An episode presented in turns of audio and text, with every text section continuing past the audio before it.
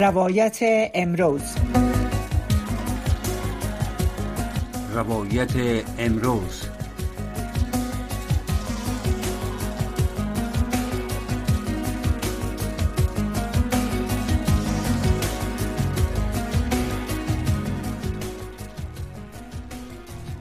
شنوندگان عزیز سلام. شب همه شما بخیر.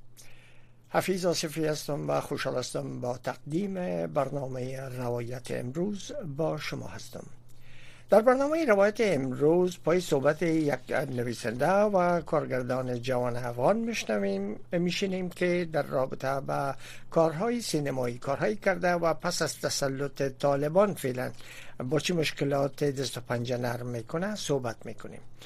مهمان محترم برنامه آقای غفار آزاد است که همین لحظه از پاریس با ما روی خط هستند.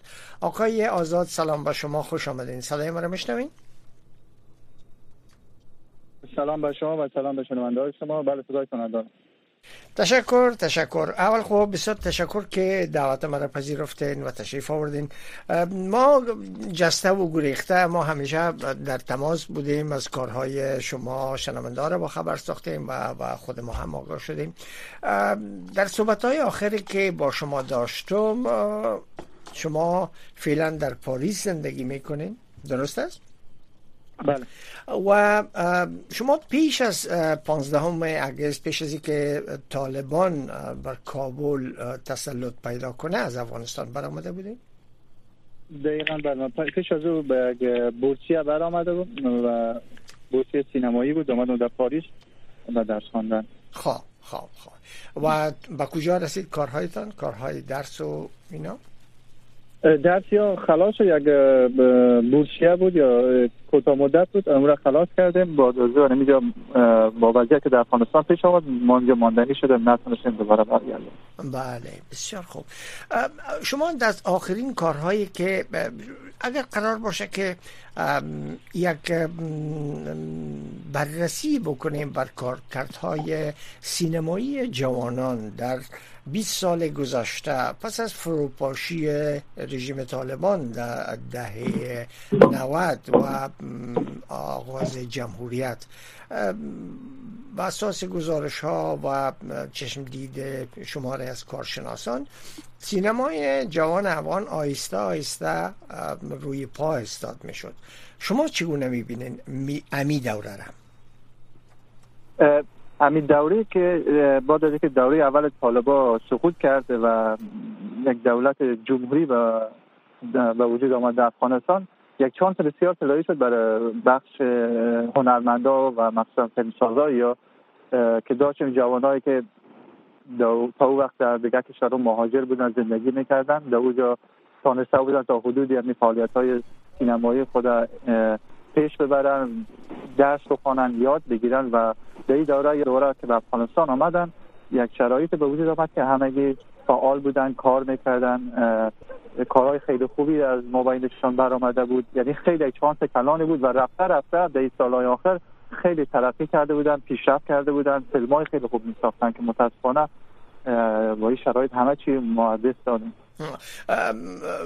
حتی خب کارهای از سینماگرای افغان و جشنواره های بین المللی هم راه یافته بود درست؟ بله همونطور که گفتم کارهای خیلی خوب داشتیم که به سینما و فستیوال های بین المللی رفته بود چند یعنی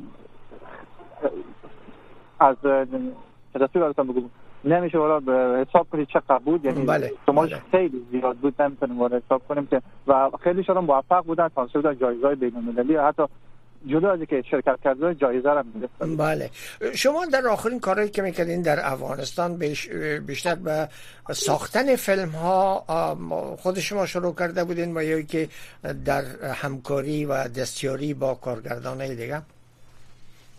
من که کار در افغانستان شروع کردم و من مهاجر بودم مثل تمام مثل خب تمام بگیر بعضی از افغانای ما در بیرون از افغانستان بله. من در ایران مهاجر بودم و ادبیات علوم انسانی خوانده بودم وقتی دوباره به افغانستان آمدم یک شرایط به وجود آمد یک چانس برام وجود آمد که من بتونم در یک مسابقه یا کمپیتیشن فیلمنامه‌نویسی شرکت کنم همراه کارگردان آمریکایی بود جاناتان لابدون بله. همراه از او کارش شروع کرده و او ما را انتخاب کرد و بعد از او کار ادامه دادم آقای همراه آقای استاد ما عتیق رحیمی کارگردان بسیار خوب ما که در فرانسه زندگی می‌کنن و او فیلمنامه نویسی رو همراهشان کار کردیم کارگردانی کار کردیم و جذب تلویزیون شده و در اونجا سریال ساختیم و در کنار که سریال می ساختم برای خودم فیلم های کوتاه می ساختم تجربه می کردم و همینطور ادامه می‌دادم کارهای هنری خودم یعنی فضا برای کارهای هنری تا حدود زیاد آماده شده بود درست؟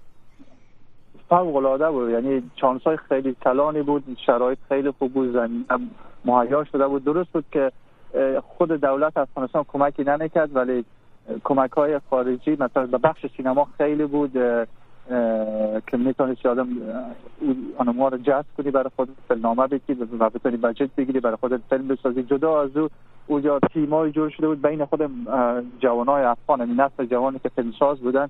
گروپ های جور شده بود که با هم همکاری می‌کردن یکی دیگه یکی دیگه کمک می‌کرد فیلم بله. شوت می‌کردن یکی کامرمن می‌شد یکی کامرمن می‌شد و همینطور خیلی خالصانه همراه هم کار می‌کردن و فیلم میساختن خب در افغانستان که پس از جنگ های داخلی و مسلط شدن طالبان در دهه 90 همه چیز فرو پاشیده بود. خب قدم های اولی بود و واکنش خب در, هر مثلث هنری که اگر ببینید به یک دستش مردم است در یک دستش منتقد هنری است و در یک دستش هم هنرمند است و یا خالق آثار هنری مردم یا گیرندای پیام چگونه واکنش نشان می‌دادن. چقدر علاقمند بودن به سینمای نوپا؟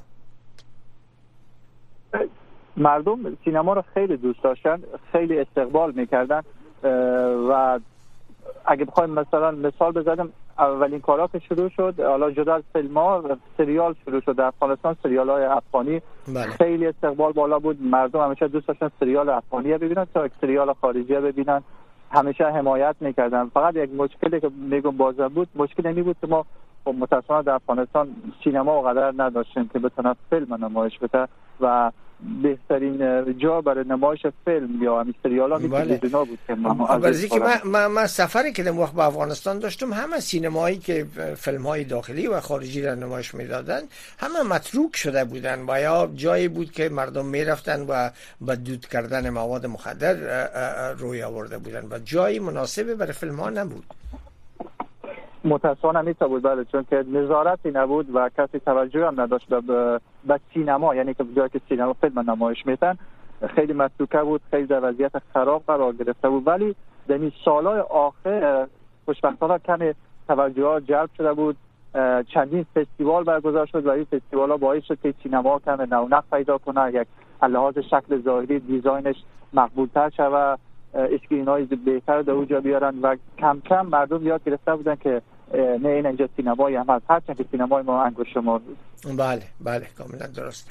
خب شما رفتین با یک مسئله دیگه هست که حتما شما دوستا و آشنایی دارین تا هنوز که در افغانستان هستن.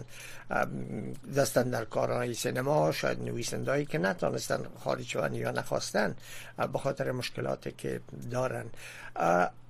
در حال حاضر هم شنیدم که با اساس گزارش ها گفته میشه که ریاست افغان فیلم همچنان فعال است رئیس در رأسش است و چند وقت پیش هم می‌خواستن جشنواره رو اندازی بکنن شما در مورد این نوع فیلم ها و این رقم جشنواره ها چی فکر می‌کنید؟ تا جایی که من در جریان هستم و همراه دوستایم در افغانستان صحبت می‌کنم مثلا در کابل که در اونجا فستیوال هم برگزار کرده بودن بله. این نظر شخصی مست یک قسم امی کار سمبولیک کرده. فقط امی طالبا خواسته بودن نشان بده اوکی ما مشکل نداریم با با سینما با فیلم. ولی ولی چیزی که ما دوستای میشیدم کاملا برعکس بود و اجازه رو نمی‌دادن که فیلم بسازن. خودتان می‌فهمید که خانم‌ها اجازه نداشتن که در بله. بله استاد سرزی مثلا هم میاییم بله. اما شما از از اساس گفته های سخنگویان حکومت طالبان. اینا میگن خب ما کنم اطلاعیه صادر نکردیم مبنی بر که اینا فیلم نسازن و فیلم ساختن ما ممنوع اعلان نکردیم. و تو گفتم میشه که خب این همه خودسانسوری دستن در کاران سینما و فیلم بودم شما چی فکر می‌کنید؟ اینجا آقای که دو مسئله پیش میایه یک مسئله است که یک ترس یک حراسی به وجود آورده بودن طالبا که یک هنرمند نمی‌تونست بگه اوکی من فیلم ساز هستم من فیلم می‌سازم میترسید از اون شرایط که فیلم بسازه یا کمره خود ور داره سناریو خود ور داره بر لب سرک کمره را استارت کنه و یک گروه جمع کنه فیلم بسازه فورا نگاه جلب می‌شد و مطمئنا طالبا می‌دیدن و برایش مزاحمت ایجاد می‌کردن. موضوع دوم است که طالبا ما چیزی که من شنیدم طالبا می‌گفتن که ما مشکل نداریم هیچ طرز عملی هم نداده بودیم ولی ولی سخنگو با او کسی که دسترک طالبه که دسترک از زمین تا آسمان فرق می‌کنه. او به هیچ عنوان این مسئله را نمی‌فهمه و درک نمی‌کنه. کمره را ببینم فورا با او برخورد می‌کنه. بله بله کاملا. مشکلاتی که در آغاز بود امو وقت در صحبت های متفاوتی که داشتیم با فیلمسازان نبود و یا بیعلاقگی بانوان بود به سینما. این مشکل آیسته آیسته به نظر شما رفع شده بود؟ یکی مسئله و یکی هم مسئله دستمزد و حقوق. برای که در می رقم که شما بهتر می‌فهمین در هر فیلم پرودیسر یا تولید کننده رول اساسی را داره که به اصطلاح همون شاررگ فیلم است و تمام مصارف و هزینه فیلم تهیه می‌کنم. در افغانستان تجار و سرمایه‌گذاران کمتر علاقه گرفته بودن به این مسئله. این دو مسئله را چگونه شما باش دست و پنجه نرم می‌کنین؟ منظور شما در دوره جمهوری بله بله. قبل از اینکه در آخر دوباره پس به سر جایی که شما هستین با مشکلات فیلی در امی دوره 20 سال من دوره جمهوری در اوایل کم بود بله همونطور شما گفتید علاقمندی خانوما کم بود یعنی نداشته مقدر هنرمند هنرمند خانم. اما اوایل هم خدمتتون گفتم کم کم یعنی خانوما و هنرمندای ما از دیگه کشورها آمدن داخل علاقه پیدا کردن و کم کم کم کم آمو تابو شکست و آمدن در فیلم نقش بازی می‌کردن و در مورد از که تجارا چقدر علاقه, علاقه مندی داشتن دعوایل خیلی کم بود یه تجار که بیاد در بخش فیلم سرمایه گذاری کنه و همونطور که گفتم بیشتر بودجه ها یا فنهایی که می‌گرفتیم فیلم سازان می‌گرفت از سفارت ها بود از دونرهای خارجی بود که می‌تونستیم یک بودجه بسیار کمی بگیریم و فیلم خود فقط بتونیم بله. پیش ببریم و شوت کنیم ولی در آخرا دوره جمهوریت خوب بود کم کم تجار هم علاقه شده بود و سرمایه گذاری می‌کرد در فیلم ها در سریال بله. خب متاسفانه که همه چیز اصطلاح فرو پاشید و خب خوشحالی است که جای خوشحالی است که شما زیاد از جوانای افغانستان تانستند به کشورها همجوار و یا کشورهای اروپایی سفر کنند با اساس گزارش ها گفته میشه که شماره از دستندرکاران سینما هم در جرمنی و هالند و فرانسه مستقر شدند در جایی که شما هستین از به اصطلاح هم قطاران شما هم هستن کسا؟ بله بعد از سقوط دولت جمهوریت کشورهای مختلف مثلا کشورهای اروپایی فرانسه آلمان و هلند یک کشورهای اروپایی و حتی آمریکا کوشش کردن که هنرمندا و کسایی که جانشان در خطر است مثلا بله. ژورنالیست و هنرمندا رو وارد از افغانستان خارج کنه فرانسه خیلی کمک کرده این بخش و تعداد زیادی از هنرمندا را کشیده آورده در پاریس و در یک چهارهای فرانسه آورده و یک جمع بسیار کلانی از هنرمندان ما در اینجا دارم. آه بله. من چند پیش نمایش 15 اگست یک نماشنامه بود که ما با آقای کیان در موردش صحبت می‌کردم که او را مسئولیتش خب شاید یک نهاد حکومت فرانسه بدوش گرفته باشه. در زمینه فیلم و سینما آیا ورکشاپ های راه اندازی شده و یا خود افغان ها گرد هم آمدن تا چنین یک چیزی را به وجود بیارن؟ کسایی که پیشکسوت بودن کسایی که در زمینه قبلا کار کرده بودن. خوشبختانه حرکت های انجام شده در حال شک گرفتن هستن. اینجا همین هنرمندای افغان یک دیگه خود پیدا کردن. اینجا کوشش می‌کنن گروپ, گروپ های خود جور کنن با هم در تماس باشن که بتونن فیلم بسازن تئاتر آماده کنن مثل این گروپی که شما گفت تئاتر جور کردن. و در کنار از این هنرمندان و فیلمسازای کلان ما که استادای ما گفتن میشه استاد عتیق رحیمی آقای برمکس های و دیگر دوستا کوشش کردن یک یک یک کارگاهی را به وجود آوردن به نام مشق فیلم یک نمونهش ما براتون مثال می‌زنم این بله. هم از طریق اینترنت است آنلاین است یا هفتگی هر هفته یک استاد میای اونجا در تمام هنرمندا هر که علاقه من باشه شرکت می‌کنه در اونجا فیلم نامه نویسی تدریس میشه کارگردانی تدریس میشه فیلم مستند تدریس میشه.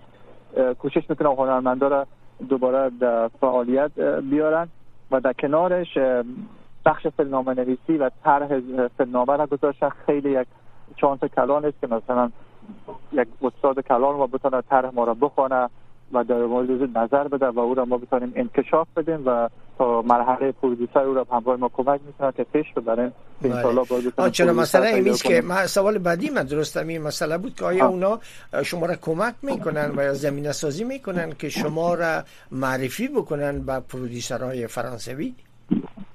هدفشان همی است.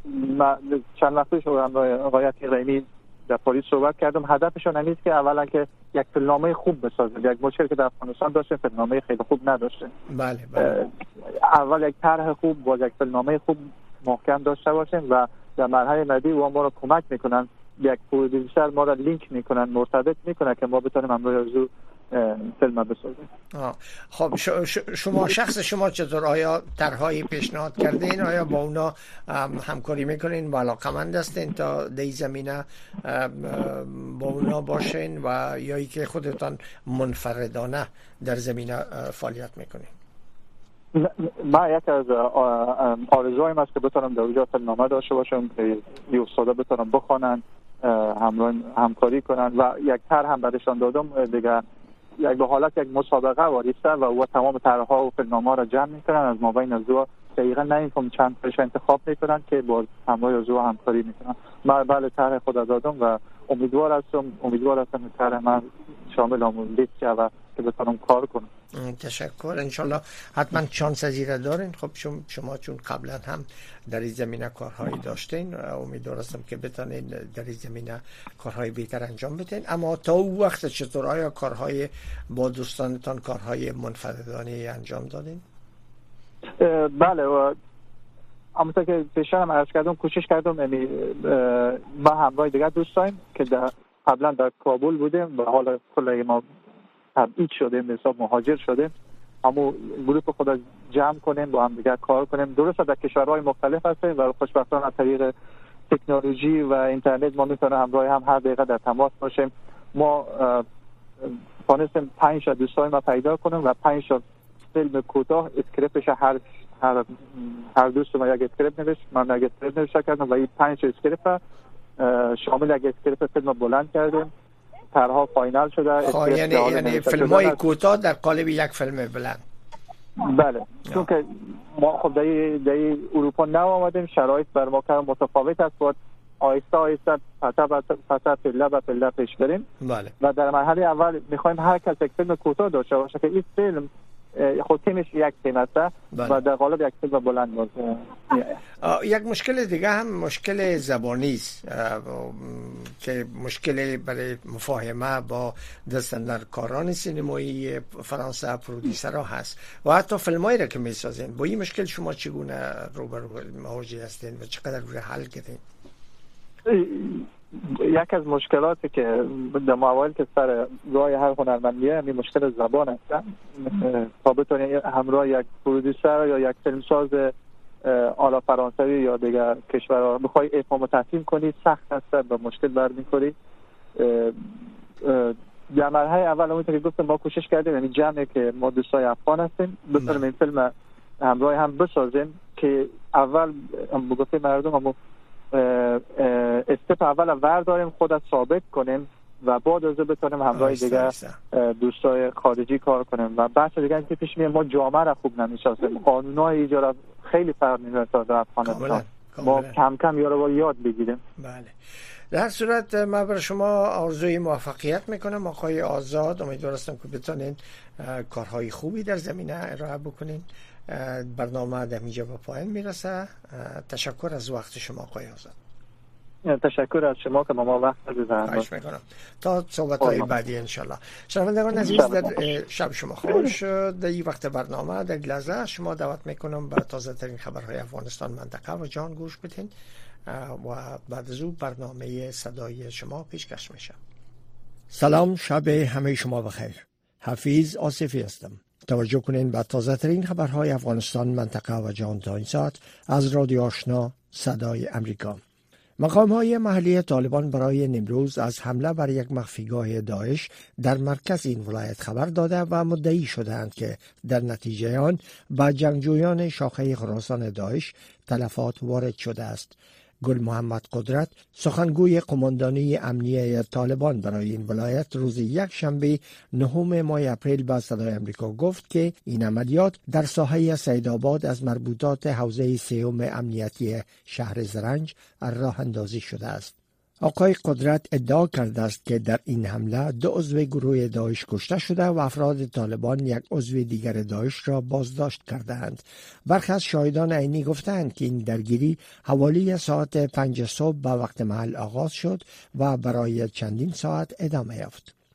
با گزارش برخی رسانه های روسیه و ایران ازبکستان می‌خواهد نشست وزرای خارجه کشورهای همسایه افغانستان را بر روز پنجشنبه 13 ماه اپریل میزبانی کند. بر اساس اعلامیه حکومت ازبکستان در این نشست از وزرای خارجه چین ایران پاکستان روسیه تاجیکستان و ترکمنستان دعوت شده و آنها در مورد وضعیت جاری در افغانستان گفتگو خواهند کرد. قرار است به تاریخ 14 ماه اپریل هم نشست شورای وزرای امور خارجه کشورهای مشترک المنافع با حضور های از ازبکستان، آذربایجان، ارمنستان، بلاروس، قزاقستان، قرقیزستان، روسیه، تاجیکستان، ترکمنستان و کمیته اجرایی کشورهای مشترک المنافع در سمرقند دایر شود. شماره از آگاهان سیاسی بر رادیو آزادی گفتهاند که دعوت نشدن نماینده طالبان در نشست سمرقند در ازبکستان به این معنی است که کشورهای آسیای میانه در تلاشند که طالبان را با ملایمت بیشتر منزوی سازند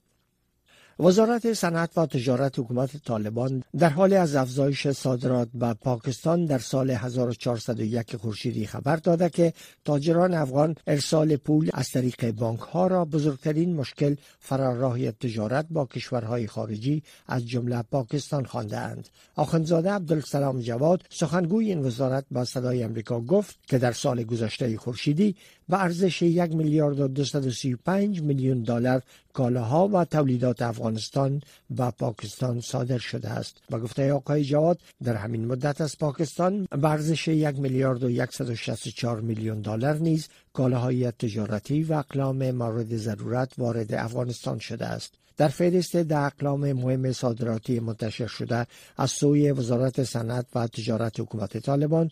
چیزی در مورد صادرات زغال سنگ به پاکستان گفته نشده اما بر اساس آمار وزارت مالیه سال گذشته به ارزش 166 میلیون دلار زغال سنگ به پاکستان صادر شده است.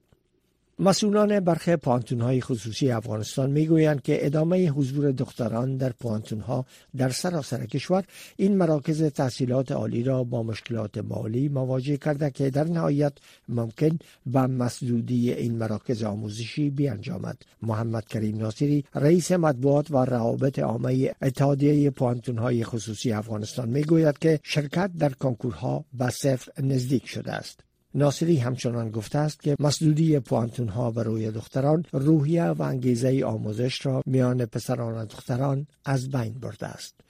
خبرهای منطقه و جهان را از رادیو آشنا صدای امریکا میشنوید. تیاره های جنگی و توپخانه اسرائیل به دنبال شلیک میزایل از خاک سوریه به آنجا به اهداف در این کشور در حال حمله کرد که تشنج بین یهودیان و مسلمانان به روز یک شنبه در زیارتگاه نارام بیت المقدس به اوج خود رسید. جزیات بیشتر را از فوزی حسان میشنوید. هزاران عبادت کننده یهودی در دیوار غربی شهر مقدسترین مکانی که یهودیان در آنجا دعا می‌خوانند گرد هم آمدند تا برای عید پسه یک مراسم دعای خجسته کشیشی دستجمی برگزار کنند. در این حال در محوطه دیوار شده مسجد الاقصا صدها فلسطینی به مناسبت ماه رمضان به ادای نماز پرداختند. در این زمان به روز یکشنبه به صدها یهودی نیز از محوطه اقصا که به شدت تحت نظارت پلیس قرار داشت بازدید کردند.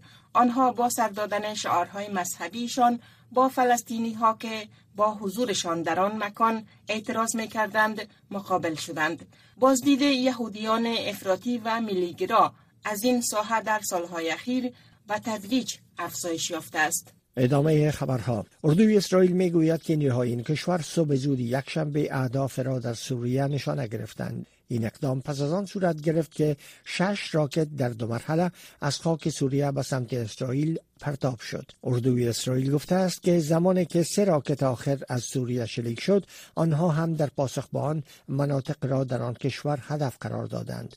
اردو بعدا اعلام کرد که جتهای جنگی اسرائیلی مراکز نظامی سوریه از جمله مجتمعی را که در آنجا مواضع رادار و توپخانه سوریه جابجا شده بود نیز هدف قرار دادند. در دومین روز تمرین های نظامی شمشیر مشترک محاصره تایوان جت‌ها و کشتی های جنگی چین در اطراف تایوان به مانور پرداختند. آنها در دومین روز متوالی مانورهای نظامی که در پاسخ با دیدار رئیس جمهور تایوان با رئیس مجلس نمایندگان امریکا آغاز شده این جزیره را دور زدند. این مانورها از سوی تایپه محکوم گردیده و واشنگتن خواستار خویشتنداری تایوان شده و گفته است که از نزدیک اقدامات بیجینگ را زیر نظر دارد. مقامات چینایی گفتند که این عملیات سه روزه که شمشیر مشترک نام دارد. شامل تمرین محاصره تایوان است و تا دوشنبه ادامه خواهد یافت و پاپ فرانسیس مراسم مذهبی یکشنبه ایستر یا عید پاک را با ده ها روحانی و ده ها هزار زایر و سیاه در میدان سن پیتر افتتاح کرد جایی که گلهای بهاری فضای وسیع را پوشانده بود و گفته اداره های امنیتی واتیکان حدود 45 هزار تن تا آغاز مراسم در حوالی زور تجمع کرده بودند. پایین اخبار تا این ساعت از رادیو آشنا صدای امریکا. د امریکا غږ آشنا ټلویزیون نړۍ ته ستاسو لاره. د آشنا ټلویزیون بیلابېلو خبرونو کې تازه خبرونه چیرنیز رپورټونه او مهمه مرکه اوريدای شئ. تاسو د خبرونه د امریکا غږ د ساتلایت لارې په ژوندۍ بڼه لیدلای او اوریدلای هم شئ. خبرهای افغانستان منطقه و جهان دایدم از رادیو آشنا صدای امریکا شنیدیم. شنوندگان عزیز ای بود داشته های برنامه روایات امروز که در همینجا به پایان رسید. اما نشرات پشتو و دری رادیو آشنا صدای امریکا همچنان ادامه دارد. برنامه بعدی ما که برای یک ساعت روی همی امواج 972 کیلو هرتز روی موج متوسط 972 کیلو هرتز پخش میشه.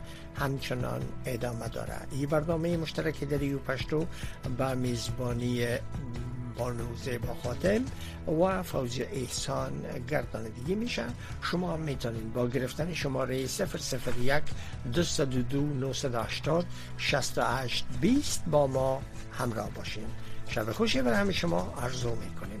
امیدوار هستیم که برنامه های رادیو آشنا صدای امریکا را همیشه دنبال کنید.